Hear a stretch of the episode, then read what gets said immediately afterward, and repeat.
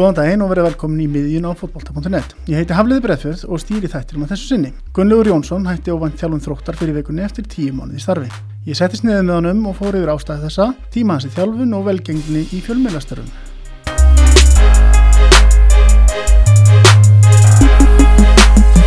Velkomin Gulli, það var fyrir óvænt í fyrrakvöld þegar óvænt tilkynnt að þú ert bara hættu þjálfum þróttar.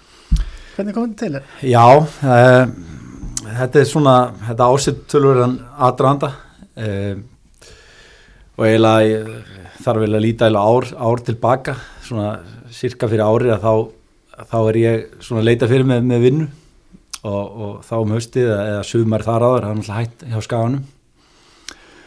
Og ég held meira að segja fyrir árið síðan að þá byrja hérna ákveðinu podcastættir sem, sem að ég ræði við þig um að, að, þá um haustið að, að ráðast í sem, sem við gerum held ég í februar mm.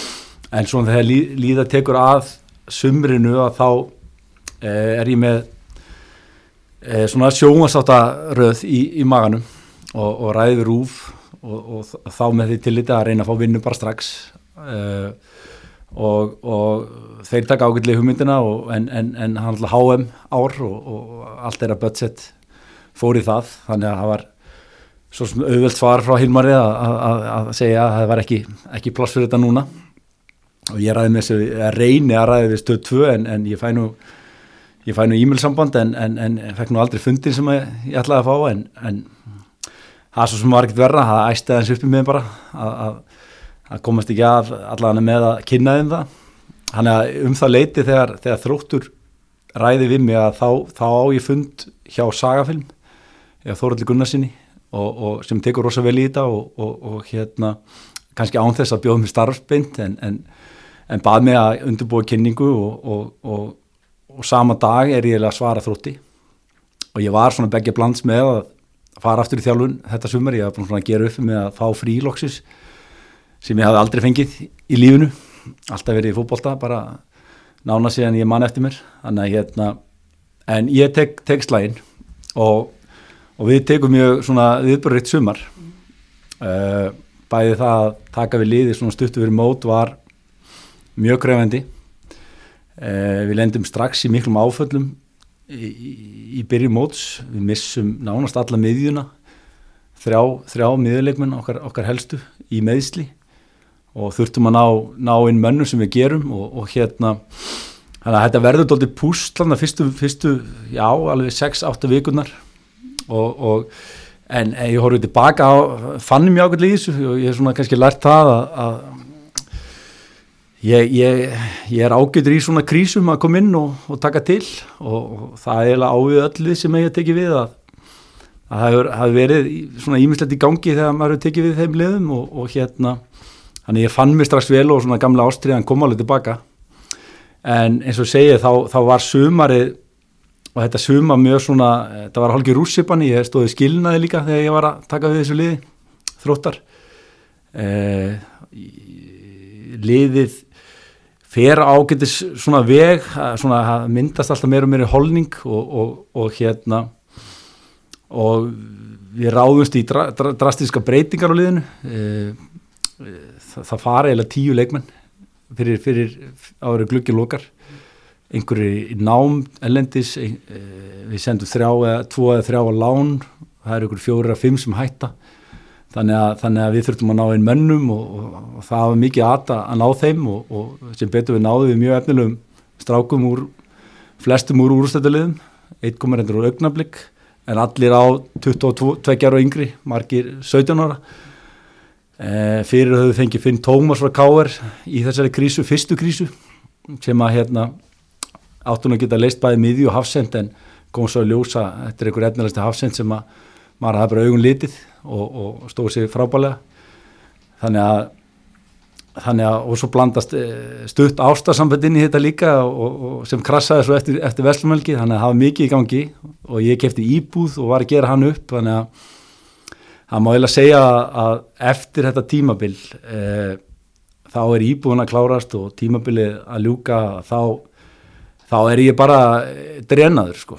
Og, og, og verð bara mjög þungur og, og næmir eru ekkert að stryk fyrir fyrir bara mjólin eh, má vel að segja ég hef náttúrulega mætt í vinnuna og, og, og lítið alveg sjá mig þar ég var ekkit heima fyrir bara en, en, en, en ég, var, ha, var, ég var svona ólíkur sjálfum mér og, og náttúrulega krefjandi hausti og þrótti margir landsmenn náttúrulega fara, fara tilbaka fáminu kjarni eftir. Þannig við þurftum að ná mannskap og æfingar og, og margir að, að reyna fyrir sér margir er bara hennilega ekki nógu góðir. Um, og hérna við náðum mannskap inn en, en, en samt ekki alveg þessi holning sem maður vildi.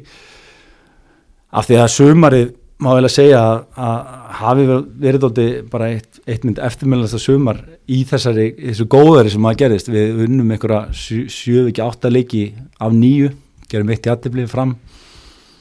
Og, og ég hef aldrei séð einhvern veginn hóp vaknaði svakalega sko, að myndaðist einhver æðisleg orka og, og liði skoraði bara eins og vindurinn sko, fjögur ekki fimmörki leik og reyndar fengum líka talsvita á okkur en, en þetta var alveg ótrúlega gaman og, og, og ótrúlega gaman að sjá einhvern veginn einhvern veginn lið eh, sem að, sem að hafði náttúrulega lítið geta framann af en, en það var mjög sterkur kjarni til staðar og svo kemur svona ungt blóðinn sem að, sem að var óbúrslega gaman að, að maður fylgjast með. Þannig að þannig að hérna já, þetta er langur hattarandi og svo er þetta sjómasverkinni sem er náttúrulega í burðalinu með allt sumar líka. Og, og við, við ákveðum sem sagt í samstarfið Sagaflim að, að leita til Sjómas Símons sem að, sem að taka mjög vil í þetta en, en ákvarðinu varandi sjómarfið er ekki teknar á tveim dögum, heldur, heldur er þetta síjast og þetta, við, þurfum tilbaka úr fundum og það er eitthvað aðdáðsendur sem þurfum að díla við og, og koma tilbaka og kynna aftur og Þannig við fáum ekki græntljós fyrir henni í nógumber og það var alveg sama við um, um, um það starf, ég vanur þegar fjölmjölastarf með býðist eða, eða fæ græntljós á fjölmjölastarf þá fer ég á fullt sko, það, það, en ég náðu mér heldur ekkert að stryk þar fyrir bara um jólinn sko. Og sem betur fer og byrjuðu ekki tökur því fyrir bara í byrjun, byrjun janúar. Og þá er ég sem betur búin að ná svona einhverju, einhverju sæmular orku sko. Þannig að, þannig að hérna Nú er það komið í gang, þetta sjónasverkina fullt og framöndan eh, eru, eru, eru nokkur tökuslott og, það er náttúrulega alltaf gerast við þrótti líka, það er náttúrulega Reykjavík móti búið, Janúar var krefendi, mm. eh, mikið um meðsli, mikið um forföll, við hefum ekki náð svona þeim liðstyrk sem við ætlum okkur, þannig að ég stóð fram með fyrir mér að óbreytt gengi þetta ekki upp sko, saman, pluss að ég er alveg upp til börn og, og er með þau aðra okkur viku og, og það þarf að vera fókust á líka. Mm Þannig að hérna, þannig ég svona átti fundi síðustu viku með foramunum þróttar um það að, að jú, þetta getur gengið en þá er það eitthvað breytast og, og, og, og ég laði til kannski að, að þá er þetta svona nokkuð teimisvinna sem var svona alltaf í takt við eins og við gerum þetta síðan sumar þegar allt var fullið á mér. Ef ég fengi ekki tröst í það að, að þá er bara einleið að það er bara að ég þurft að hætta mm. og það var niðurstan og og allt gert í þannig laga sátt og samlindi og það er við ákvörðin já það er náttúrulega alltaf erfitt að já ég líka ljósi þess bara að, að liði skiptum þjálfara réttur í mót að, að þá var þetta náttúrulega jú, þurfti yfirlegu og, og, og hérna. Og ég held að, að það hafi verið rétt að mér að gera og lefna þetta núna í staðin fyrir að reyna þróskast áfram og, og vera kannski með allt í, í ruggli bara réttur í mót kannski og vera þá í sömustuðu og, og liðið væri fyrir að, að þurfa að skipta þjálfur að bara þreymingu fyrir mót. Núna er þó allavega lengjubökarinn eftir og, og helling eftir þannig að hérna þannig að ég held að ákveður sér rétt. Það var ekkit annars sagt en þú hafa verið all-in í þessu verkefni og semur í apríl í byrjun ágúst með funda tilkynna langa framtíða sín og framlengi svo auðvitað Akkurat. Þú ætlaði að vera lengið þannig? Já, já, ég sá, sá þau fyrir mér, þetta er mjög spennandi verkefni. E, það sem er kannski vonbriðin sem ég kom, komst fljóðlega að því að þrótti var að aðlar innan, innan stjórnar, aðastjórn og knastmyndu stjórn, frangöndustjórn voru ekki alveg í takt mm. og benti það fljóðlega á fundum og, og það er kannski bara vestnað og, og ég vona að, að þetta kannski moldviðri verði til þess að menn svona snúðbökun samanbyttur og, og, og menn fari að fari að vinna svona betur í takt því að, því að nú er knastmyndeldin ánast bara 85-90 bróst af þessu félagi. Mm. þannig að það er, það er mjög mikilvægt. Getur þú útskipt með betur fyrir mig hvernig þetta Já, það er, kannski, það er kannski bara þannig að, að, að kannski hefur, hefur mikil völd og mm. frangvöldastjórn er undir aðalstjórn. Mm. og svo ertum við knastmyndeld sem, sem náttúrulega kannski ber ábyrð sérstaklega á mínu starfi og mestarloknum og, og, og, og það hefur bara verið, verið gjáð um milli. Ok. Og var þetta kannski að hafa áhrif á það? Já, þetta sjálfsög hafið áhrif, þetta er ekki stóra þetta er ekki stóra búslið sko. En, en jú, þetta hefur áhrif. En hafið það áhrif á það þú til dæmis að missa okkur áttar leikmenn þá sérst þeirra að það verið landsmenn en að þú varst ekki styrkjaliðið nóg mikið Nei, já, þannig ekki sko. Það er náttúrulega kannski mitt að, að, að leita leikmennum og, og, en það hefur kannski áhrif að þróttur er kannski ekki ósefnbara stöð og mörglið að, að þróttur á erfileikum með að kannski borga þau laun sem eru í gangi. Mm. og það er náttúrulega annar kapitúli að, að launa þróunin í íslenska boltanum er komin í algjörð rugg mm. við erum að reyna fyrir okkur með kannski leikmannum er 18, 19, 20 í, í, í þessum bestu liðum sterkustu og ríkustu liðanum og það er verið að borga laun sem fyrir korti sko. Það eru þeirri liðið innkastöldin Já og það, þessum er erfitt. Og, og sérstaklega eins og þetta kannski þróast að það er ekkert sérstaklega margir bitar fyrir innkastöldin að berjast um. Við fáum bitar núna markaðin Albert Ingarsson sem er náttúrulega flest liði vilja keppast til að fá, reynslu mikill markaskorri sem er ekki á hverju strái. Og eðlilega er hann í ágættir stöðu mm. hann gefur það út að hann vil fara í innkastöldina og, og, og það er ekkert sérstaklega margir bitar á lausu og kannski liður þessu fjölni sem er ákanski þá smá budget til, a, til að hjóli í hann og hann vel og, og það er náttúrulega sem, ger, sem gerist og þá er náttúrulega liðið svo þróttur í erfuru stöðu mm. Vandamáli kannski meira sem engastöldin hefur verið að ungi menn fá ekki alltaf mikið séðan sem þú varst að vinni því fyrir að þú þetta ekki allt verið þróttara Já eh, algjörlega. Ég, ég held að ef við, ef við lítum bara á feril feril minn sem þjálfara þá, þá hefur, hefur það verið keppi keppli á mér að, að ungi menn njóti sammális og, og, og lið byggja á, á yngri leikmönnum. Eh, ég ólst við að bakgransi að, að þar voru menn óhættir að henda ungu leikmönnum inn og vissulega mjög sterkur kjarni sem kemur þar upp með mér sem far, fá flesti sénsinn aðri þurfa að fara eitthvað í burtu í smá tíma eins og hjörtu til dæmis hjartar og, og koma svo tilbaka en, en, en, og það hefur alltaf verið verið mitt, mitt svona keppi keppli að, að ungi leikmenn sérstaklega náttúrulega etnileg þeir náttúrulega þurfa að geta eitthvað fái, fái sérsinn og, og, og volandi springi út mm -hmm.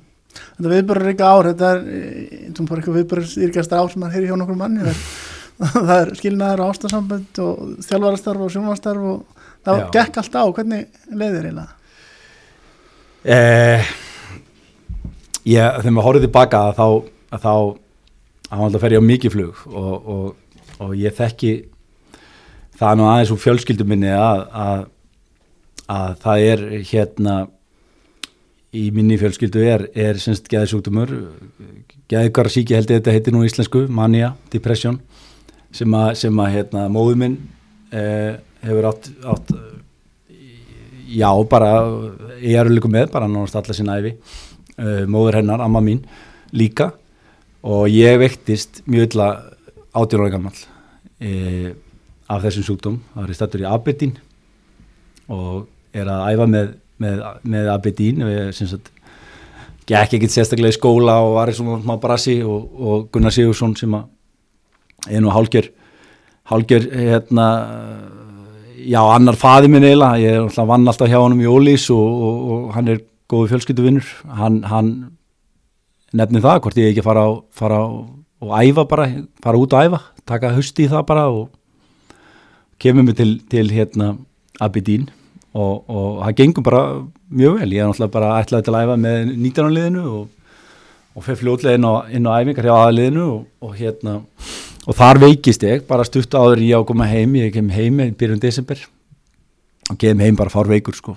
Og meðal hans lýsir það þegar maður fer mjög hátt upp og ég held ég að skrifa tvær langa greinagerir hvað maður betur fara hjá knartmjöflega og sendi það og held ég gunnar. Og hitt var á skagablaðið þarna var fjölmjölabakterina komin. Og Sigur Sverrisson, ég haf nú verið svona grálkötturinn á skristof hans í nokkuð misseri og Ég held að það hefði verið 16 blasina rítgerðunast um hvað, hvað, hvað hugmyndir ég hefði til að, til að hérna, bæta það blað og þá er ég bara farveikur Já. og kem heim og, og fóröldra minn eru fljótir, fljótir að, að spotta það að ég er ekki alveg, alveg heitl og er bara inn og gætild út það ár og byrjun árs 93 þannig að, þannig að þegar ég kem út af gætildinu þá, þá er ég mjög þungur og, og þegar náttúrulega í skólani ég held ég að sofi bara fram á vor. Mm. og eftir það hef hef ég nánast ekkert fundið fyrir þessu. Það er kannski eitt skiptið, þá er ég stættur í Svíþjóð í Örubrú og, og mikla vendinga með mig, ég átti að vera Artaki Sigga Jóns, það var náttúrulega stór spórafill í, með ekki meiri reynslu. Ég held ég hafa haft 16-17 leiki sem, sem hafsend á hérna á bakinu og ég fengi sem Artaki hans í, í vörn, mið, miðja vörn á Örubrú og, og gerir, ég fær raukt spjald í einum af síðustu aðengarleikin fyrir, fyrir það mót og, og er það bara settið til hliðar og ég fór í eitthvað viðtal og saði eitthvað miskáulegt um þjálfvaran mm. allavega taldi ég mig trúum það, kom nú ákveld út samt þegar, þegar blæði kom út en ég ég svaf ekkert um nóttina sko og, og þá fann ég einhvern veginn að það var stutt í það sko að ég myndi, myndi veikast aftur og þetta snýst um það ef þú séfur ekki ekki reglulega og eðlilega að þá ert ég hættu Er þetta alltaf meðvitaðar um það þegar sjúkdómurinn er að herja á? Já, já, ég er það en, en, en sem betur fyrir það er náttúrulega margir sem taka uh, liv sem er til dæmis lithium sem er svona liv sem er notað til, a, til að hérna, halda þessu niðri mm. en ég hætti því strax um vorið hann 93 þannig ég hef ekkert notað niður liv mm. og betur verið bara verið nokkur niður laus við það. En þegar ég horfa síðasta sömar að þá held ég að vera ansið stutt í að að, að, að sjúkdórum myndi taka yfir hinnlega sko. Mm. því að því að já, ég allavega það er langt sen ég verið á öðru eins flugi sko bara á öllum vikstöðum sko. Og varstu þá að finna það bara ég ekki beint þegar á þessu stóð. Ég er svona meira þegar ég horfið tilbaka sko að því ég var mjög þungur hann um haustið þegar, þegar, þegar tímabili líkur og, og íbúðin er, er nokkur neginn klár og, og, og þá er fjölmjörnverkinu ekki komið með grænt ljós að ég, ég var bara alveg drenaður sko. og það er aldrei svona, það er eftirkost þó maður er ekki beint verið lagður inn eða, eða þá, þá held ég að vera eins og nálægt í að að vera, vera með manniu sko og er þetta kannski ástæðan fyrir þú ert að draga í? Já, ég held að, ég held að, ég held að allavega verkefni sem að býða núna næstu að fram að, að tímabili eru þannig að, að ég þurft að vinna ansið margar tíma á nóttinni til dæmis til að bara haldi í við sko mm. og ég held ég get ekki alveg búið bæði minni nánust og sjálfur mér það sko Þannig að þú ert bara að hugsa um sjálf að það núna andlega hilsu. Já, fyrst og fremst er það sko, ég er ekki að gera þetta tekjulega, þetta er ekki, þetta er ekki mjög vituleg tekjulega séð sko, því að, því að það er náttúrulega þróttur í aðalstarfið og, og ég held að við þekkjum það sem að vinna þessi fjölmjölum að það er ekki sérstaklega vel borgað sko, mm. þó að ég fá nú alveg laun fyrir þetta, þá, þá er það ekki, þá framflötuðum en ekki til langstíma en, en ég ætti alveg að geta verið ágætt smálum fram á sumar og svo það er náttúrulega bara að leita fyrir mér að vinna En svona ljósið þess, var þá ekki eiginlega bara léttir að geta tekið sagurinn, að hætta þá bara á húsum sjálfa þig? Jú, jú, algjörlega og ég fann það bara strax eftir, ég held mjög góðum fund á, á þrjöðdæði með leikmönum, það sem ég er einlega fóð bara yfir söguna mm. og nánast nokkur neðin sem ég er að gera, gera hjá þér og, og hérna og eftir það að þá, þá fann ég einhvern veginn að það var svona þungtlas farið að bakinu og, og svona ákveðin bara fegin eiginlega að hafa stíðið þetta skrif Hvernig tóku strafnum því? Ég held alveg ótrúlega vel sko, þetta er náttúrulega, og ég gerði mig grein fyrir það, þetta er náttúrulega, þetta er ekki ásökjumkjósanlegt að lenda í, í að missa þjálfurinn aftur stuttu fyrir mót og, og allavega fekk ég skilja bara frá nokkur þeirra og, og hérna, og bara með feina að sjá að þeir, þeir skildu þetta. Mm. Mér langar að spyrja þess meðri út í sjúkdóminn, þú segir átjónur gammal þegar þú uppgötar eiginlega að þú sést með hann sjúkdóm sem að mammaðin og ammaðin voru með. Voru ekki svolítið vonbríða því þú þekktir sjúkdóminn fyrir að komi ljósa þú sést með það sjálfur? Jú, jú, það var það, var það og maður hort upp á uh, erfiða mánu hjá, hjá móðuminni og kannski kannski fær fær hennar sjúkdóm kannski fyrst fyrir alvöru, það sem ég man allavega þegar ég er kannski 12 ára 10-12 ára. Og ég er meðal hann að senda heilan vetur, eða heilt sumar í Reykjavík nánast allt sumari hjá, hjá bróður hennar, hérna Haldur Einarsinni og, og hérna og amma kannski oftar veik og, og, og maður kunni alveg greina þegar hann hvort mamma eða amma voru, voru veiki eða, eða, eða frískar, það er alveg heiminn að hafa á milli og, mm. og oft þurftu að báðar að fara inn á, á geðdild þannig að hann er jú að sjálfsögur var það það var mikil vonbrið og, og líka það bara að maður er að koma upp náttúrulega ótrúlega sterkum kjarnar aðgræðinsi, maður vissi náttúrulega ekkert hvað, hvort maður geti bara fara inn á völl aftur mm. en blessunlega þá, þá náðum maður góðri heilsu aftur og, og kannski sér betur fyrir að maður horfið tilbaka var maður ekki alveg komið skrefið inn í mestarflokk mm. þó maður hafi verið öðrum flokk og þó maður hafi verið talin með sterkari leikmenn og með eitthvað unleiklega sliki að, að, að ég hugsa að það hefði kannski trublað hefði trublað meira ef maður verið komin inn í þetta sterkar lið sem það var sko mm.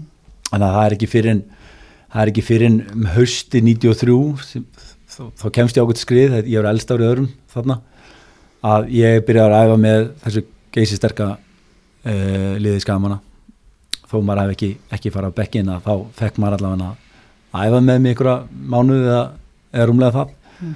þannig að hérna þannig að jú, það það voru talsum vonbrið en, en ég blessunulega náði að svona bara halda honum halda honum í skefjum held ég Varstu einu að geta lengi að Já, ég er nánast allan desemmánu, ég ná einhvern veginn að ljúa mjög út held ég, ég hafa ekki meðvitað samt sko, mm. ég tekið henni testur eftir jól og aðtökkvart ég sé ekki bara hann er friskur sko mm.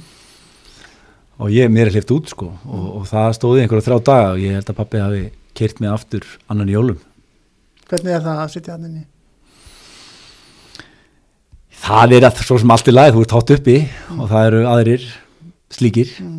og hérna og það er svo sem engin engin svartu tími sko mm. veist, þú bara þú ert á einhverju flugi og, og aðri vittlinsingar líka og, mm. og þú ert náttúrulega bara að spjallum eitt og annað og hann er að, jújú, það, það er bara það er, það er ekkit, það vesti heimi sko og ég blá svolítið yfir þegar þú talar um náttúrulega sjúkdóm finnst þér þetta í rauninni finnst þið hvernig þú lætur þegar þú ert í manni? Nei, ég menna, ég karati minni enn og svona doldi mannískur sko, Já. þannig að hérna og ég get fengið svona, ég get nú kallað dellu eða ég get svona geta mál heiltekið mig mm. og það hefur alveg gerst í fólkbóltanum og, og í fjölmjölunum mm. og þá er þetta bara basically þráhekja sko mm. að stoppa mig ekkert sko mm. þannig að þetta er kostu líka. Held ég, Já. en galli mm. Það verður að vera mikið feimnismál er langt sem þú hefur þóra að segja fólki frá Já, ég raun og veru bara ekki fengið tækifæri til þess sko, ég er svo sem, þetta verður ekkert verið feimnismál, það er náttúrulega að vita flestir allan sem hefur umgegst með aðgrænsi á þeim mm. tíma af þessu sko mm. og margir er að hafa kannski stundum verið hættir um mig sko mm. og, og, og tjekka á mér þannig að, nei þetta, ég, ég er svo sem aldrei, aldrei verið feimin að tala um þetta og ég er svo sem ekki að bera þetta torg heldur sko ég held sér ákveðst ekki fyrir að ræða um þetta núna. Finnst það ekki mikilvægt bara ljósið annara sem getur verið vikir að tala um? Jú, klálega, ekki spurning. Bara, ég held að það sem ég ákvæmt við þetta samfélag sem við lífið mér núna er að það er miklu opnar umræðum mm. það er geðsútuma og annað sem er hrjáða fólk og, og ég held að það sé bara nöðsilegt, ég er öruglega fyrirmynd fyrir einhverja og vonandi. Þetta allavega er ekki þeimnismál og fólk áalveg vera óhrætt að ræða hlutina sko. Vist, við erum ekki, ég held að við fáir í þessu samfélagi sem eru alheilir. Mm. það, er all, það er allir með eitthvað að díla við sko. Kannski finnum meiri bara ummikið þegar mann vissu af þessu fyrir en það sem kannski áhauður óttast annars. Já, ég held að það sé bara miklu meiri skilningur á þessu í dag sko. og það, það sem þið kannski auðvitað að tala um það að, að það eru aðra en ég sem er að ræðum sína kvilla og, mm. og hérna hann er svo smikinn að verða torfa að ræða homman í fyrsta skipti mm. sko, eins og hann í gamla dag sko. Þetta ánaði með unga menn sem hafa komið fram Já, að sjálfsög, ég menna það var ekki Sigurbergur hérna í, í Keflavík eða hver var það sem kom? Jú, jú, Engól Sigursson Engól Sigursson, já, sjálfsög Jú, ég menna þetta er bara nöðsilegt uh, ég menna uh, eins og ég sagði þann, ég menna þetta er ekki feimnismál. Uh, það það er auðvitað margi sem er að díla við ímislegt sem að, sem að þeir þóru ekki að koma með fram mm. margi sem er eftir með að tala við þjálfurna sína til dæmis um eitthvað sem er í gangi heima, heima fyrir þannig að ég hef alveg lendi kannski ekki alveg þannig dæmum en, en, en, en ég lendi, lendi hérna leikmunni sem að hafa komið til mín með sín mál og, og það er bara ekkit annað í stöðunir ef eitthvað er að hrjáði eða eitthvað er í gangi á heimilinu að þá voru þú að ræða við hvað sem er kennarinn eða þjálfarinn mm. um þau Er menn og femni við það? Er, Já, ég held að sé, sé heilt yfir þannig að, að menn eru feimnir, ég held samt að að svona samskipti leikmann og þjálfari er aðeins að breytast, þetta var aðeins öðru sér hérna í gamla mm. og hérna við tölum um gamla skólan eða, eða hvað það var, ég með þjófélagi var bara þannig mm. að miklu lokaðara og, og þetta var algjörð feimnismál tabú bara mm. Hvernig heldur það að vera tekið ef að þessi vandamál hefur búin á borði gömlu harðjagslan á skaganum?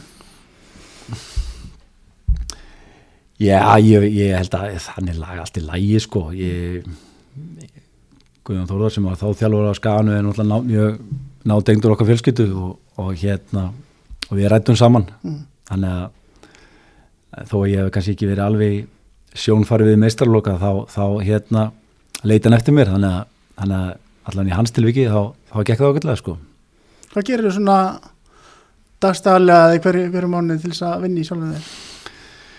Ég mætti alveg vera meðvitari sko Já. en, en það komur svona tímbilað sem að maður hugsa betur um sig Mm. og núna er, er kannski tími að, að ef ég allavega tíma til að allavega að fara að reyða mig Mm. og, og ég gerði það nákvæmlega síðasta sumar sko Mm. þannig að hérna en, en maður mætti alveg vera meðvitari svona viku til viku Já, er, að þú bara að vera að vinna í þessum málum og Já, ég raunur bara þetta, er þetta klassíska sko. Þú þarfst að reyfa þig og þú ert að passa upp á svefnin Já, og maður gleymir sér stundum. Og ekki að vinna mikið. Og ekki að vinna mikið. Og maður hugsaði kannski þegar maður að fór að skipilega veturinn að það gæti kannski verið ákjósulegt að, að vera með börnin aðra hverju viku mm. og geta þú unni bara heil mikið hinna vikuna. Mm. og ég reyndi það alveg í janúar að vera bara að vinna frá 9 til 12 á kvöldin það er ekkert þesslega helbritt Já. Svo fórstu mjög skart í þessi íbúð, ég fylgdist nú með henn á samfélagsmiðlum og Já, það eru fáir sem ekki verið svona hljótir að klára íbúðinu sína. Já, já, mér góða yðnað menn ég gerði nú ekki allt sjálfur sko. þannig að það er smá í því, Ég góður málingunni já, gott mál. Herri, ég ætla að hérna, fara aðeins út í það. Eru komin tíu ár síðan þú byrjar að þjálfa. Mm. byrjar hva, hvar byrjar þetta? Sjálfhósi Selfossi, svo Valur, Káa, Ía og Þróttur.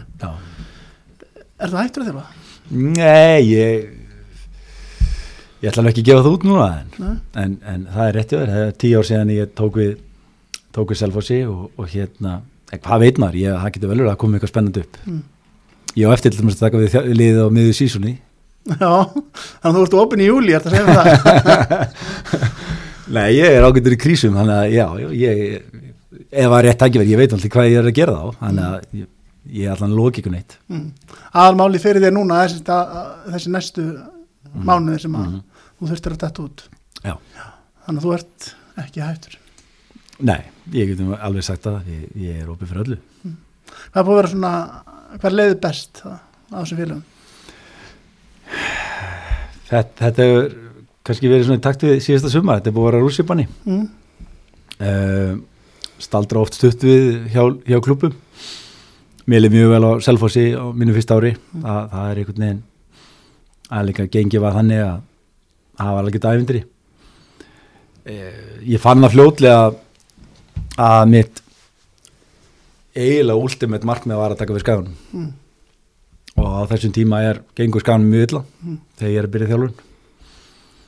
En ég þurfti og maður fyndi sko að ég þurfti alveg að fara í nokkra klubba áður til að fá þessa reynslu sem þurfti til að fara upp á skagan Áður hún taldið að Já, vera tilbúin. og það er meðal val. Mm. og það, var, það, er, það er besti skólin að taka við stóluliði vera ekki klárið það og taka svo við skagan Þú ert líka að taka við val á tíma, tíma það sem að var nú ímislegt í gangi þarna. Já, já, það var nógu í Hvernig Vil, viljum var að hætta. Já, og allir hafi tekið við. Það fór komið þráum þessi smá tíma og svo allir og það var allt í rugli hann sko. getur satt með meira? Já, já, ég meina fyrir að fyrsta er náttúrulega eh, viðskilnað með við Selfoss leiðilegur Mm. eh, Valur eh, við vinnum hvernig var þetta? Við vinnum afturöldingu þegar tværum fyrir eftir og tryggjum okkur upp og það er held í 1100 manns á vellinum á, á, á gamla æfingavellinum fyrir aftan gerðugarsið bílu stemming sko. og ég ætlaði mér ekki að að spila þennan leik. Ég ætlaði mér að spila minn síðasti leikur áttu að vera mútið skagan með síðust umferð. Og, og þá ætlaðum við að taka við tillinum en Agnar Bræði sem hafi verið hásend og, og sem betur fer fyrir mig sem spilandi þjálfara þá, þá voru tveir öflugur hásendar Stefán Ragnar sem, að, sem var þá 18 ára og Agnar Bræði sem var tölvögt reyndari. Og þeir voru bara aðalhafsendar, svo var ég bara til taks þegar voru bönni eða meðsli því að Agnar Bræði hafi meðist stuttu fyrir hennar leikum út afturlítingu með því að reyna ykkur hjólarspinnu Mm. þannig að hann var frá á tímbli og ég neytist til að spila. Og, og spila hennar geggja leik, ég held að við vunni 6-1 og hann var alltaf alveg bílustemming en nánast bara daginn eftir eða tvindum eftir kemur Valur inn í myndina. Og þeir vilja, vilja spila þannig að þeir vilja fá einhvern ungan ferskan þjálfara. Viljum að veri tölvöld lengi með liðið og náð frábára márugri en, en, en, en var reygin og, og það var svona liðið var tölvöld gamalt að svona þeir töldu, töldu sér þurfa einhvern ungan, einhvern ferskan. Og voru, mér hefur bara gert það afakostir sko, annarkur tekur þessi lið við þurfum svar bara eitt og þrýr og ég sagði að já, ekkert mál, ég, ég menna en, en það verður að gerast selfhórsur að vita af þessu og, og það voru tveileikir eftir. Og liðið var búið að tryggja sér tryggja sér upp en hann var ekki búið að tryggja titilinn. Þannig að hérna þannig að það verður held ég fymtu degi. Þá er bara klárt og selfhórs veita því og að klárt að ég tek við vali bara eftir tímbili ætlaði þá að klára bara mitt tímbili nema hvað moggin á modni dags e, já, við hefum leiksist í næstsýstu fyrir á móti haugum í Hafnafri og ég hafði ekki fylst með fréttum morgun þarna var náttúrulega klálega netmílar komin inn og, en moggin hafði skupað því að ég var að taka við val. Og mjög góðar heimildi fyrir því. Þannig að ég kem inn í klefan þá er einhvern veginn leikmenn komið frekar snemma frá Selfossi þeir eru svona bara vítt og breyttu svæði það var eitthvað leikur í gangi hérna í þriðaflokki eða whatever og þannig ég er svona sé ekki alveg andlitir á mönnum sko. Fyrir en fyrir menn koma svo inn bara og, og við höfum loka undirbúning fyrir, fyrir leikin þarna ætlaði mér að ekki að spila ætlaði að vera á bekknum og vera klárið þá í skagaleikin vikur síðar en ég sá það strax á andlitu leikmanna að það var eitthvað í gangi sko, sem ég vissi ekki um sko. og, og, og, og fréttir hún ekki fyrir uppbyttum byrjar að þetta hafi, hafi hérna farið í blöðin og Svæðið fylltist að fjölmjölum svo það magnað sko að leikurum byrjaði, ég hef aldrei séð svona marga fjölmjölamenn sko, það var held í þrjára, fjóra sjómasvelar og, og allir mættir og, og hérna og ég mata þannig að það var ekki þetta aðris þetta fyrir leik. Mm. heldur við bara takið þetta eftir leik og, og leikunum tapaðist og, og hérna og það varð allt vittlust bæði á leikmannhófnum og í fjölmjölum og, og við rættum með allar saman eftir, eftir hennar leik og, og ég þurfti að býða með að ræði fjölmjöla og þurfti náttúrulega bara að komfránta leikmenn og, og hérna fara yfir, yfir þessi mál sem ég geri og það tók mjög á en, en ástandi var það slemt að ég þurfti að segja af mér á mánundi Mm. mánudinum eftir að og þessi drauma loka leikum minn á móti Akranissi, hann var því aldrei þannig að sem betur fer var þessi síðasta leikum minn þá á móti afturlningu þegar liðið triðis upp sem var geggjað en eftir að higgja þá náttúrulega var ég enga veginn klár í þetta stórverkinni sem alveg var En hefur þú gert þetta öðru sem þú var að gera í dag? Myndur þú semja þessum tímpúti? Það er erfitt að segja sko, þannig er hrunið Mm. nýkomið inn sko og ég er þannig ekki í förstu starfi með Selfossi sem náttúrulega klálega var ekki full starf Mm. Hann bauð mér náttúrulega miklu hærri laun og full starf og ég held að maður í mínu spórum myndi alltaf taka þessu, Það er að meina þessum tímapunkti að það sem þú gerir þetta já, það, já, það var bara tekið á lífið sko. Já. ég hafði ekkert um það að ræða sko. Mm. jú, jú, auðvitað ef maður hefði haft eitthvað reynslu þá hafði maður kannski spilað þetta öðruvísi sko. Mm. en þetta var gaman Mm. Og svo kemur til vals Já, já, já og, og það var ljóst að, að verkefni var að yngja upp hópin Mm. Og við náum að við náum fjórum með fimm ungu leikmenni, Jón Vilum á Skaganum og Rúna Már frá HK Hauku Pál það var mikill sigurinn á Hauku Pál það var mikill barat um hann. Hann að hérna og ég leita það sem bara persónulega sigur þegar ég áttu mjög góð spjöll bæði við hann og pappan sem er reyndar fann að vinna eða var núna. Hann að hérna Tveir fyrir einn. tveir fyrir eitt þar. Eh, og, og Stefán Eggers frá, frá HK þetta voru svona þessi, þessi yngri þetta voru allt strákar 24, 5 jafnvel yngri. Hann er við náðum svona ferskublóð inn og einhverju fóru, talsett margið fóru.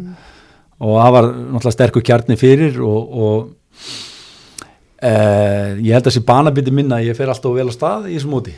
Nú, Já, ég sko ég held að við vorum með öðru sæti eftir ykkur 5-6 umfyrir og þá var náttúrulega komin bara að Európu mm, hugafari í, í, í stjórnendu liðsins og, og, og hérna, en það var aldrei í umræðinu um möturinn mm, að stefna Európu, átti, þetta átti að vera undirbú, bara svona uppbyggingar tímabil mm, og, og fara svo í frekan, frekari mannabreitingar um haustið. Mm, þarna hafði reynda náttúrulega verið þegar maður skoðaði söguna verið ég held ég að ná bara að skoða söguna til 92 en það var meðaltalið 10 inn 10 út hjá já, all það var þannig. Já, þannig að það, það þurfti að finna einhvern stöðuleika, það var Mhm. alltaf klárt, klárt verkefni sko. Já, En, en já, það er að súrna svona samskipti mín við, við stjórn og, og, og, og það var endi formann Börg, mm, svona mitt, mitt tímbil sem enda náttúrulega allt í í hérna miklu versinni sem að enda með að Börgur og, og félagar segja af sér.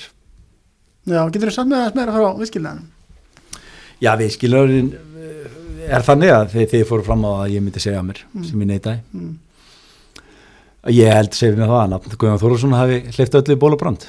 okkur, Já, hann var bara umdeldur á þessum tíma held ég mm, og, og hvort sem að það hefur verið rétt að, að þeir hefur rætt við hann veit ég ekki Mm. en, en, en það allan rataði fjölmila og, og það enda með því að þeir segja af sér mm. Og svo- og, svo klára ég tímblið og, Mm.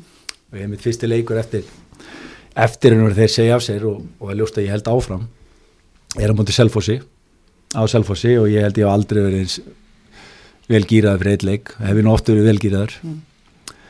eh, fyrir þann leik og, og, og ég- ég man að ég, ég breytti eitthvað leika að þeir liðsins ég hafði fjóra fremstu menns í frjálsum stöðum einhvern veginn og þeir áttu bara að viksla þannig að bara svona frjálsflæði sko og það einhvern veginn gekk algjörlega upp ég held að 3-0 í háluleika, enda er þetta 3-2 Mm. en mjög fýll leikur og allavega gott svar fyrir mig sko Mm. og hérna og svo svona er þetta bara svo sem við fyrir ekkert að flug en svo sem endum þetta þokkalega held ég Mm. og hérna en, en, en það var alveg ljóst einhvern veginn að þráttur að ný stjórnmæri komin, komin til skjálana að, að ég myndi ekki halda áfram þannig að hérna, Var það sem þægilega að vinna um hverju eftir að þeir fóru? eða? Já, já, það var allt öðru Og mikið lætið þannig fram að. já, já, það var, það var, það var alveg góð læti í nokkru vikur sko. Mm. Það lendi ég að missa leikmenn eitthvað svo leiðis eins og aðra hafa gert. vissuleik menn, Og stjórnin hafa selt menn það nei, nei, það var ekki tannig sko, nei, nei, nei, nei það, var, það var ekki tannig, þetta er náttúrulega bara fyrir unga þjálfara sem er rétt að læra bara sko, er, er þetta náttúrulega bara mjög djúb lög Mm. og en mjög dýrmöndu skóli sem koma á þann að að taka svo öðru stórli stötu síðar það var mjög, mjög gott fyrir mig að fara í gegnum þetta Mm. og hérna, og svo fer ég til Akureyri og á, á þar mjög fínan tíma Þar varstu samt um, ekki búsettu fyrir norðan eða eitthvað. Hvernig var þetta hjá þér? Nei, það var það sem var kannski erfiðast í þessu eh, ég var eiginlega bara svona í fjárbúð ég, ég flög þrjóti yfir, yfir hérna yfir undirbúinstimbili, nánast allt og, og kom til, tilbaka á, á lögati, Mm. fyrstu lögati náðum að stilla bara komið þannig af Mm. og, og nei, svona upp á það að vera með fjölskyldu fyrir sunnan það var það ekki sérstætt sko Nei, og, og eigna spatt svo ári eftir sko já. árumótin 2011-12 þá, þá eignast ég mitt annað barn og þannig að það er það er alveg lúst að, að það, var, það var töff sko Hvernig varstu sjálfur þá? já já það er bara er nú svona einhvern veginn að einsetja í vinnu en, en maður kannski uh, ég er á hótel þeim spáðu vetuna það er ekkert sérstætt Nei. til langstíma það var kannski dólti basla að finna íbúð og, og svo var ég mikið að flakka um íbúðir Mm. bjóður gláð á einhverjum 7-8 stuðum í að heila á Akureyri Mm. en fólkið á Káa reyndist mér rosa vel og það var mjög þægil gott að vinna þar mikið metnaður Já, það var kannski ekki alveg þeim mæli sem hann er í dag, það var ekki mikið Mm. peningar en það var mjög gott fólk sem, sem starfaði með mér og, og hérna og við erum raun og veru við, ég tek við að Dín Martin sem hafi verið hann í ára heldur undan og, og það er ekkert sérstaklega mikið peningar ég tek við, Mm. þannig við erum raun að byggja upp eiginlega unga stráka Mm. að megninu til og við erum erum vangbrotnir fyrir minni tímbilið 2011 var það ekki, já, 2011 við fáum styrkingu í klukkanu sem er svona hleypi lífi í okkur Mm. fengum Túfa kemur úr meðslum Mm. og Elmar kemur frá Nóri minni mig við fáum eh, skoskan miðjumann Brian og einnig að tvoði viðbútt þannig að það, það, það er allt annar holning á liðinni í lóktímbils og ég held að við séum bara með þriða besta rekordi í setnum umfyrinni mm. þannig við endum á fínu nótum og svo eru koma inn sterkir leikmenn um haustið Gunnar kemur úr fjölni og, og hérna Jói, Jói Helga svona heima, heimastrákar. Þannig að, að við erum með mjög fíntlið en vandamáli var að við okkur vantaði alveg strækir í bæði tímbilin. Mm. og ég held að einhver einhver geggjaðast að leita strækir fóð fram aðna fyrir tímbilin 2012 og, og, og Gunni Nella vinnu minn sem var þá formaður setna árið hann hefur, hann er að leiðin í bók frá honum. Ég mun, mun skrifa eitthvað með honum í, í hana. Mm. það sem hefur mun lýsa þessu ferli þetta var ævindarlegt, ég held að það var 50 strækir eða heila, bæði Íslendingar og útlendingar Varstu nálægt með eitthvað stort nafni Mm? Já, það er eitt fyndi sko, að, að, ég held að Gunni sé eini fórustu maðurinn á Íslandi sem skoður öll mail sem hann fær Mm. og jafnvel öll YouTube myndbönd e, og það er allt flæðandi í þeim sko, Mhm. og var þarna líka og hann sagði mér að það var einhver ég held að alveg verið ungveri eitthvað sem að eitthvað sem að Sandor Mator skal hleraði eftir sko. Mm. og hann ræði við eitthvað þjálfara sem að hann þekkti vel sem gati ekki mælt með þessum gæja. Ég ma- veit ekki hvað það er eitthvað persónlegt sko. Nema eitthvað ságæja enda hjá Dortmund. Að það er eitthvað nýjum mánuðu síðar. Þá bíliði Dortmund sko. Já. ég held mér þess að hann fengi eitthvað leiki með aðliðinu sko. Mm. þannig að það er svona eitt, eitt af dæmunum sem að fóð fram í okkur. Mm, þannig að hérna því miður þá, þá náðu ekki þessum strækir og, og ég er alveg sannfærin um það. Ef við náðu honum, eða tíu markamanni mm. gæði sem hefur skorað, tíu blús þá hefur við farið upp þetta tímil og svo eftir káa þá rætti strömmurinn heldur betur, nei eftir káa þá kemur háká. Það kemur háká á milli, ég glemði því náttúrulega. Háká kemur þar og það er náttúrulega ekki mikil eftirflutn eftir mér. Nei, og það var, það var um fálið að, að velja, það var þó einhver þrjú fjögur. Og Háká ræði við mig. Mm. Og Þóri Bergson sem að þá stjórnaði málum hjá Háká ræði við mig og, og mér fannst það spennandi. Mm. að lið sem að hafi fallið fallið úr fyrstu deildinni og, og náði ekki að fara upp úr annar deildinni og, og, og hérna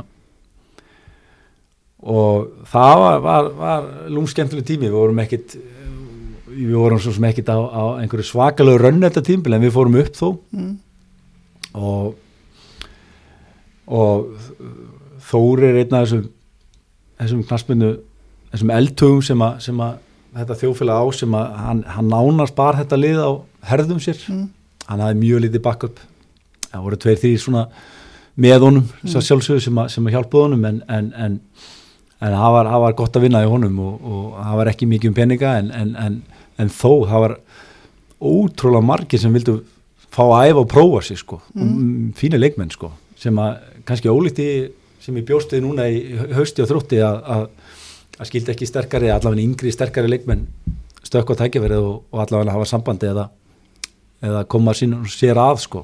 En að við náðum mjög fínu liði að hóka og, og hérna og gaman að til dæmis koma Guðmund Alla á flott Mhm. hann hafði nú verið ströklega undan og það er mjög eftirminnlegt að hann kemur í februar og fara að æfa, hann þekkti einhvern liðin og fekk að æfa og maður sá náttúrulega það var eitthvað ég var spunnið en engu formi sko, Mm. ekki neinn og fyrsti leikur og sér að við þurftum að skipta honum út eftir 25 minútur bara í, í 5 minútur bara að ná andanum sko.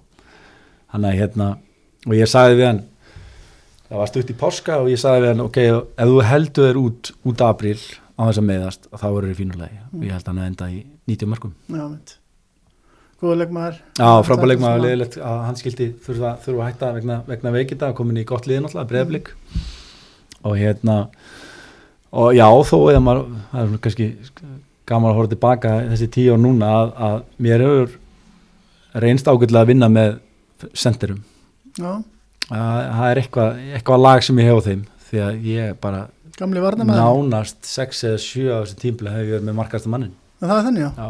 Já. Garðar og Savi Gísla Mm. Guðmundur Alli uh, Garðar náttúrulega í þrjú tímabil held ég. Og hérna já og Viktor Jónsson náttúrulega í fyrra. Þannig að það er eitthvað, eitthvað tött sem ég hef á þeim. Hvað ætli það? Því þú varst nú ekki mikið að skora, þú var nú skorað Nei, það er svona, þú þarft ákveðt lag á, á sendi, ég ætla ekki að gefa þormjöluna sko. Ef ég fyrir þetta aftur. Þú treyst eða að koma hverju sem er í gangi á þess þar Algjörlega. Ok, það var að fara yfir skagaárin Já uh, það, er, það er þá haustið 2014, nei 13, haustið 2013 sem að sem að liði nýfallið og, og kannski ástandi ekkert sérstætt og hérna og einhvern veginn samasetning liðsins var klálega ekki, ekki rétt því að mynduðust einhver, einhver bandalög heyrði maður í, í klefanum og, og hérna og það var mjög krefendi verkefni a- að koma þangað. Ég, ég laði gríðalega áherslu að Jón Þór Hauksson skildi vera með mér að mjög góður minn, einn besti vinur sem, sem við höfum rætt mjög oft um fótbolta og, og um það að við myndum einhvern veginn að vinna saman hann var þá búin að ráða sig sem yfir maður yngri flokkana og, og, og ég held að hann hefði með sjötta flokk líka þannig að þetta var ekki alveg ábætandi að bæta að ég fekk það í gegn sem betur verið og, og vil þakka Sigrunu Konunas bara fyrir að gefa endalt leiði því að hérna það var ómennst álaga hann fyrst árið Mm. og hérna og það verður að segjast, það var mjög erfitt að að svona kveikja líf bara í liðinu. Mm. að, þetta á undan satt í mönnum. En svona ólíkt kannski eins og núna það hefði verið allt allt annað ástandi og þrótti ef við varum klárið með hópin Mm. en þarna vorum við klárið nokkuð með, með hópin í januar, í lóki januar fengum inn fimm mjög fersk andlit sem að svona komum mjög sterkir inn í hópin sko. Og, og við náðum, að- náðum að búa til mjög flotta holningu held ég. E, þó að við hefum kannski ekki farið gegnum þetta tímabil með einhverju brafur þá gerðum við nóg til að, til að fara upp. Og leiknir endar var þá með besta lið og, og, og, og vann þetta mót samfærandi en, en við gerðum það sem við ætlum okkur komum okkur strax upp og, ég er mjög stoltur að, að þessum skagaárum. Uh, fannst við gera vel á fyrsta tímbili við unnum svona réttu, réttu leikina. Mm. Áttum ekki sens í efstu liðin en, en hérna en við vorum svona í, í jættefli skýri við svona miðjuna og, og svo unnum við alla fjögur, þessi fjögur eða fimmli sem voru fyrir niðan okkur. Mm. þannig að, þannig að það var mjög það var mjög góð byrjun. Uh, þriði árið er eftir að haukja líka mjög ásættalegt það er sveiflukent við, við byrjum mjög illa. Við erum í fjögusti held ég þegar fyrir inn í EM-fríð þá líka nýbúin að tapa á móti breyðablíki byggar eftir framlengingu þar hefðu við hent þreja með ekki fjórum mjög ungum leikmennum minni lið meðal hans Arnur Sigurssoni, minni mig, Steinari Þorsteins og, og fleirum og förum svo inn í þetta EM-frí sem að þú manst að var held ég næstu þrjár vikur Mm. og vorum múin að gefa út löngu fyrir tímbilið að við ætlum að gefa hérna, gott að ekki bara nýju dagar frí sko, Já. Gefa jafnvel mennur sensi að þau vildu fara að leik, fara að leik. Og þarna vorum við farin að vinna mjög þjættir í svona teimisvinnu, nánast fyrir með svona herrásfund fyrir hvern einasta leik. Það sem voru e, þjálfarateimi, við vorum í komið treyðarsunnin í þjálfarateiminu sem náttúrulega gríðalur akkur. E, Jón Þór og, og svo vorum við Viðar Halldórsson sem við fengum inn fyrir þetta tímbil sem að hjálpa okkur með svona ímislegt andlegt og, og, og hjálpa okkur þjálfurum með, með hérna svona bara undirbú okkur og, og var inn á þessum herrarsfundum, þeir voru oftast hjá Erni Gunnarsinni sem satt á líka í, í, á, á löffræðastöðu hans. Og, og svo Hjalti sem að, sem að núna er með Jónþóri í, í kvennanlandsliðinu, hann, hann var fitnessþjálfari Mm. hafði byrjað sem sjúkarþjálfari þannig að það var komið þetta gríðalög blöð teimi og ég hafa skröðlegu fundur sem að við vorum að ræða einmitt planið fyrir, fyrir EM-fríð og, og ég get alveg sagt það núna að, að Örd Gunnarsson var alfarið á móti að taka eitthvað frí liðið var ekki nógu fyrir mig og, og hérna og þurfti að æfa. Og Var sammála því að Nei, við gátum eða ekkert, við hlirum aðeins leikmenn sko. Og það voru einhverju leikmenn búin að gera rástafinir ekki þó að fara út en, en svona að komast aðeins í burtu það er náttúrulega mjög erfitt samfélagið aðgrænsið þegar það gengur illa sko. Já. og það er ágætt fyrir leikmenn að komast þá bara aðeins í burtu og, og, og gera eitthvað annað og hugsa eitthvað annað. Þannig að það var úr að við heldum þessu fríi og við börðust mjög fyrir því að, að halda þessu fríi en, en þó settum á einhverja æfingar fyrir þá sem voru komið meðslum og, gátu og vildu þannig að en við förum á algjört flug eftir þetta við vinnum hann að kannski ekki samfærandi en við vinnum K.R. 2-1 Mhm. með einhverju æfindarlegu mörgum frá Garðari og, og hérna og vinnum svo fimm leiki í röð og þá kemur smá dropp, töpum tveimur og vinnum svo þrjá leiki í röð mm. Og þá kemur aftur eh, hérna landsleikafrí og þá erum við alltaf kokki sko. þá erum við þrótt fyrsta leiku eftir á flöskum og því prófi sko. þannig að við endum ekkert sérstaklega við vinnum held ég einn af sístu fjórum Mm. en mjög ásættilegur mjög ásættilega tímabil sko. og síðasta árið er bara það er eiginlega lítrikasta bara uh, áföllum bara frá nánast eigi eitt sko. byrjum á ármanni í lók tímabilsins átnisnær það er náttúrulega alveg ævindarlegt það er fyrsti leikur og við erum að spila bara á yngsta liðinu nánast bara byrjum aðeins fyrr á yngri strákum. Mm. og við erum ykkur markmannsvesin eða tveir held ég af þessum strákum sem erum með þrjú og fjögur ellendis og átnir á bekknum. Mm. það hefur ekki að leipa átni inn í tímyndur það er einmynda liðin að fara krossmöndin það gaf eiginlega tónin fyrir þetta tímbil við stundar einn log, hann tók upp á það eignar spann, það hefði alltaf verið fjárbúð uh, Jan Williamson Mm. Hann fyrir í janúar bara læknisræði, má ekki spila meira fótbolta. Mm. Guðmundur Böðvar komst aldrei í gangum um veturinn. Uh, Garðar Gunnlaus meira lutan um veturinn, Arnar Sigursson sem var okkar ljósasti punktu frá, frá degi eitt um haustið. Búin að vera besti maður liðsins. Við seljum hann. Það er í februar þannig að uh, og við náum bara ekki nógu góðu leikmennum minn því miður. Þannig að þetta var mjög erfitt tímbil Mm. og ég fann það um vorið að, að þetta er mitt síðast tímbil ég sagði við Jónþór að, við leggjum þetta þannig upp að, að þetta verður að verður afreikað við náum sæt okkar að halda sæt okkar og þá tekur þú við. Mm. og það var keppi keppli, það var motivationið okkar.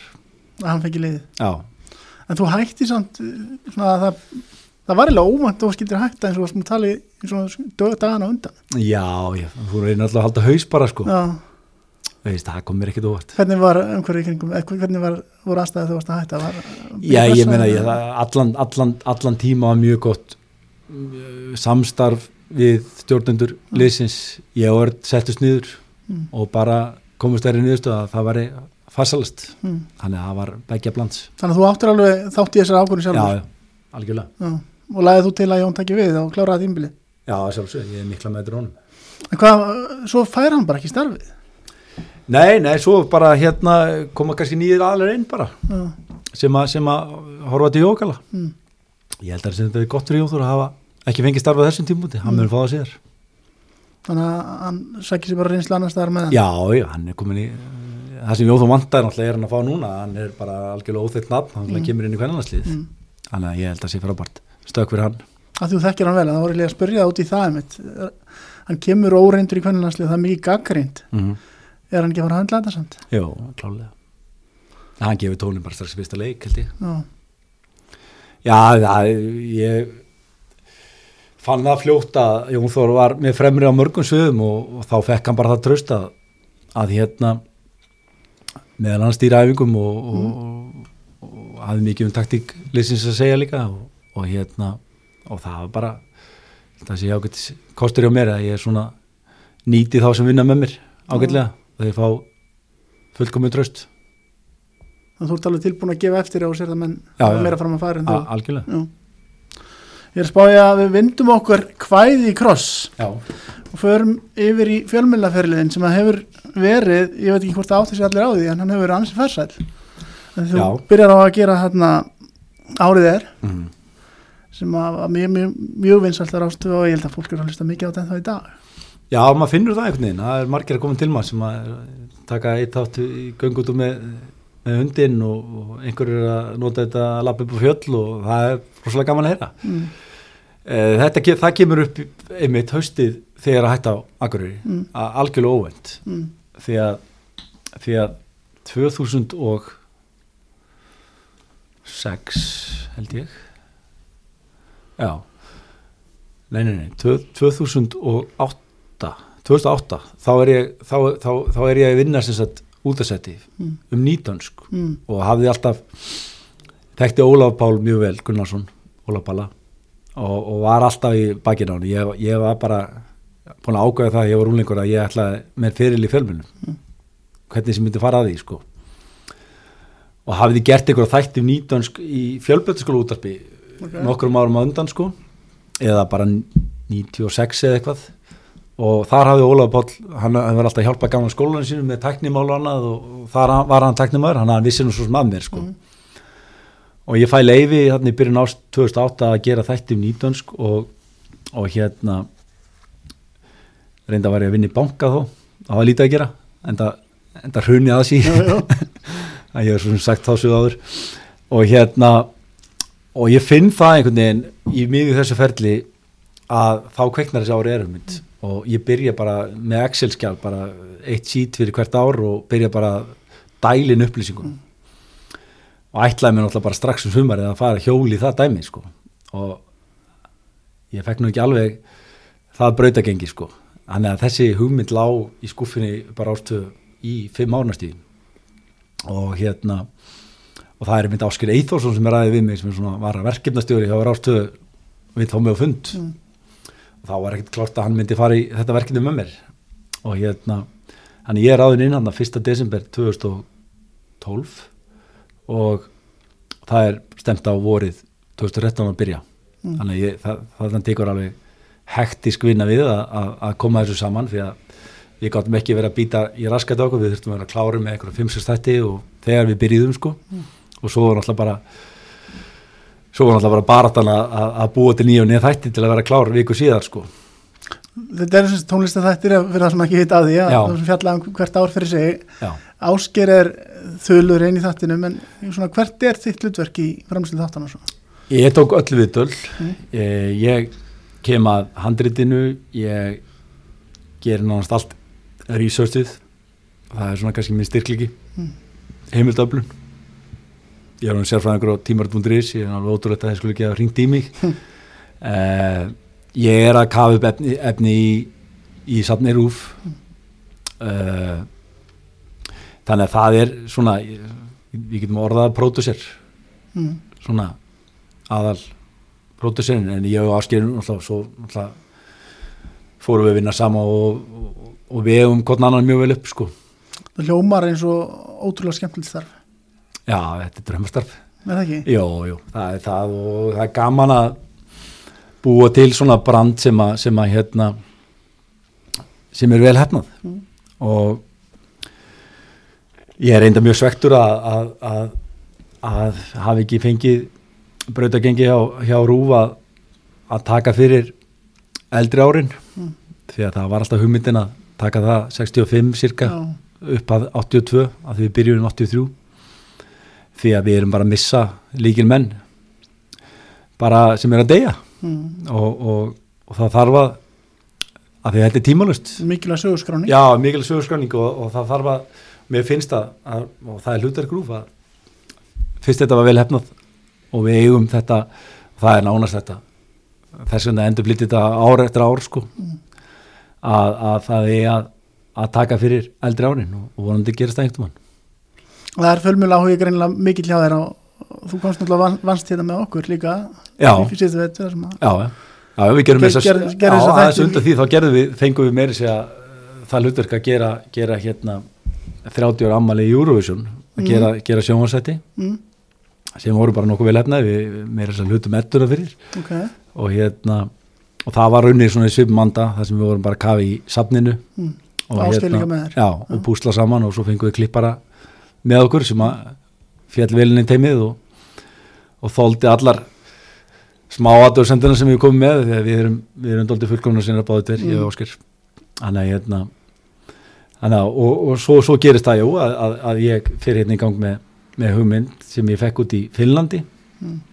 á Eurobasket þá var ég laus úr viðjum skagans og, og hafði smá tíma og fór með þá var henni konu minni og, og hérna og vinum hennar til, til, til Finnlands og þá er mitt í miklu slat og marga köruboltagæða sem var náttúrulega erum mikið að hlusta á, á podcast Mm. frá bandaríkjum sérstaklega og, og hérna og þá kom þessi hugmynd hvort að ég ætti ekki að hjóli það maður og það verður svo úr já, það, og þú ert líka bara með fljótur, þú veður í málum leið og þú ert komið hugmynda því að við hittumst bara á flugvillum þar sem þú rættir þetta með strax já, þetta er einhvern veginn ég hafa búin að hugsa þetta þess að 2-3 daga og svo fyrst ég sá því á ég held að það var í fríöfninni mm.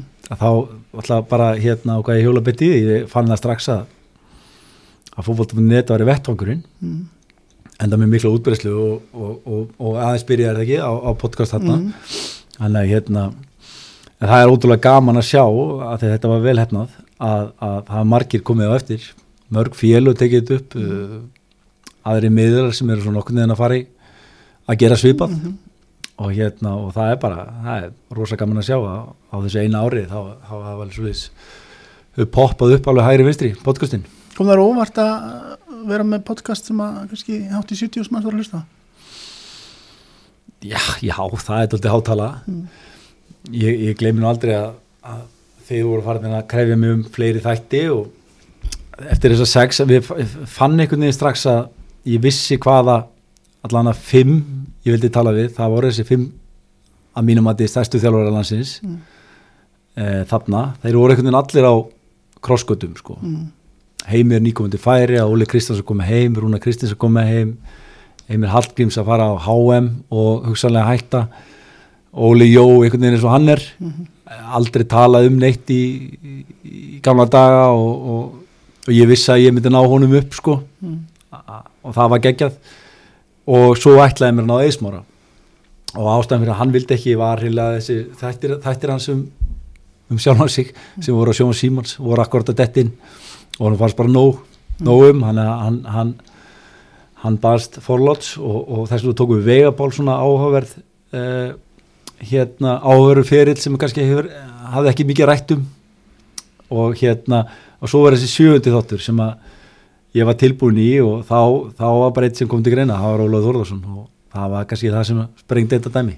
Það var allt villest það var alltaf villust og, og ég tók þetta heim og pappa og við horfum hvort annan, hann þurfti náttúrulega að drífa sér strax, það var ekkert að ræða málinu alltaf við Óla, hann var hraðferð. Þú eru bílinn í gangi fyrir já, þetta já, líku við sko. Ég hérna horfði svo augun á pappa og ég sagði, það verður allt villust sko. Það var, það var vitamál sem er jákvæmt, þú heldur þessu kannski áfram næst þegar róast já, já, það er aldrei vita en þá þurfum við að fara að ræða það sem þú ert að gera í dag það sem að sjónastætti sem þú ert að gera. Ég Já. veit bara ekkert um það og þú reyna að segja mér allt frá því. Já, nei, það er kannski lítið kvisast út nema kannski örlítið á Instagram sem ég hef sett svona smá teaser bara. Mm. Já, þetta er þetta er mjög áhvert verkefni þetta er íþróttatengt.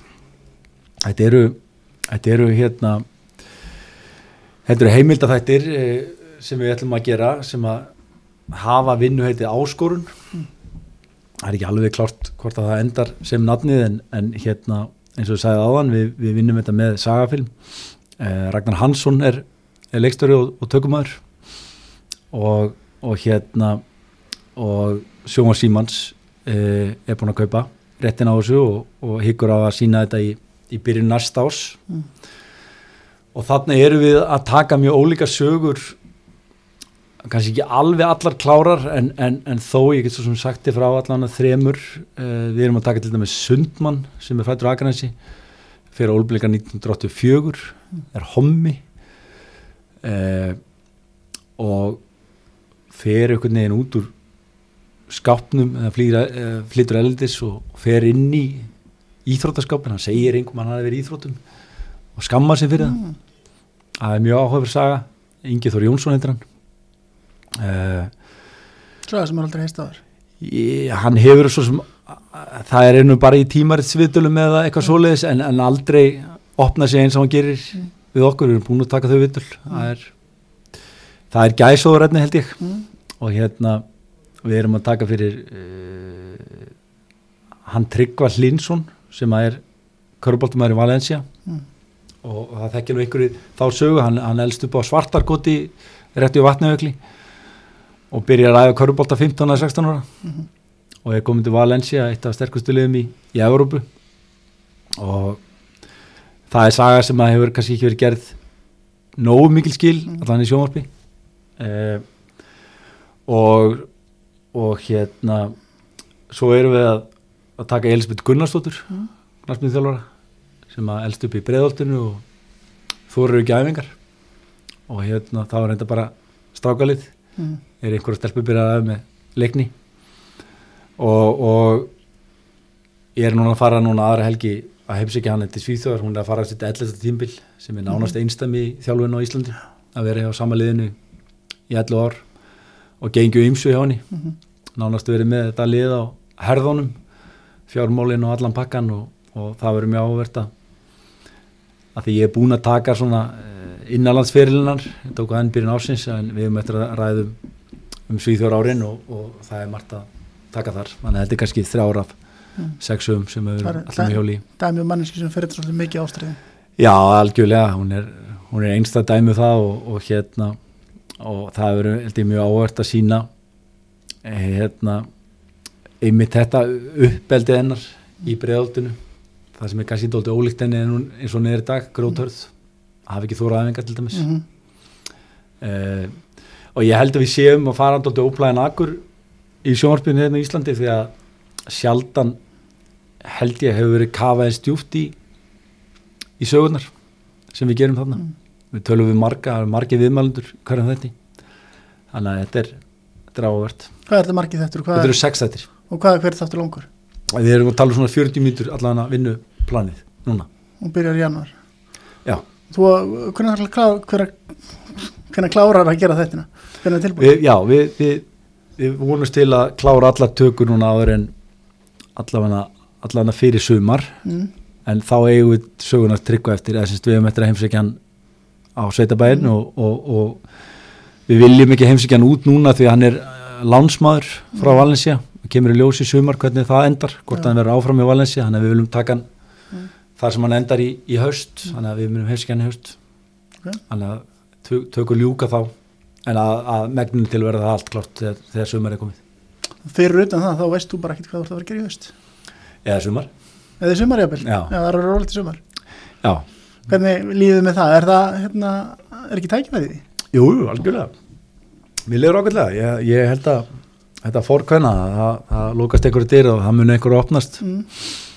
Og hérna og, það gengi vel með þetta verkefni í Sagavil með hérna held ég að geti sagt að við fengið hrós fyrir þetta sem komið er og, Mm. og hérna hann að hver veit, það getur vel verið að opnist eitthvað, eitthvað þar en, en, en það kemur eitthvað upp.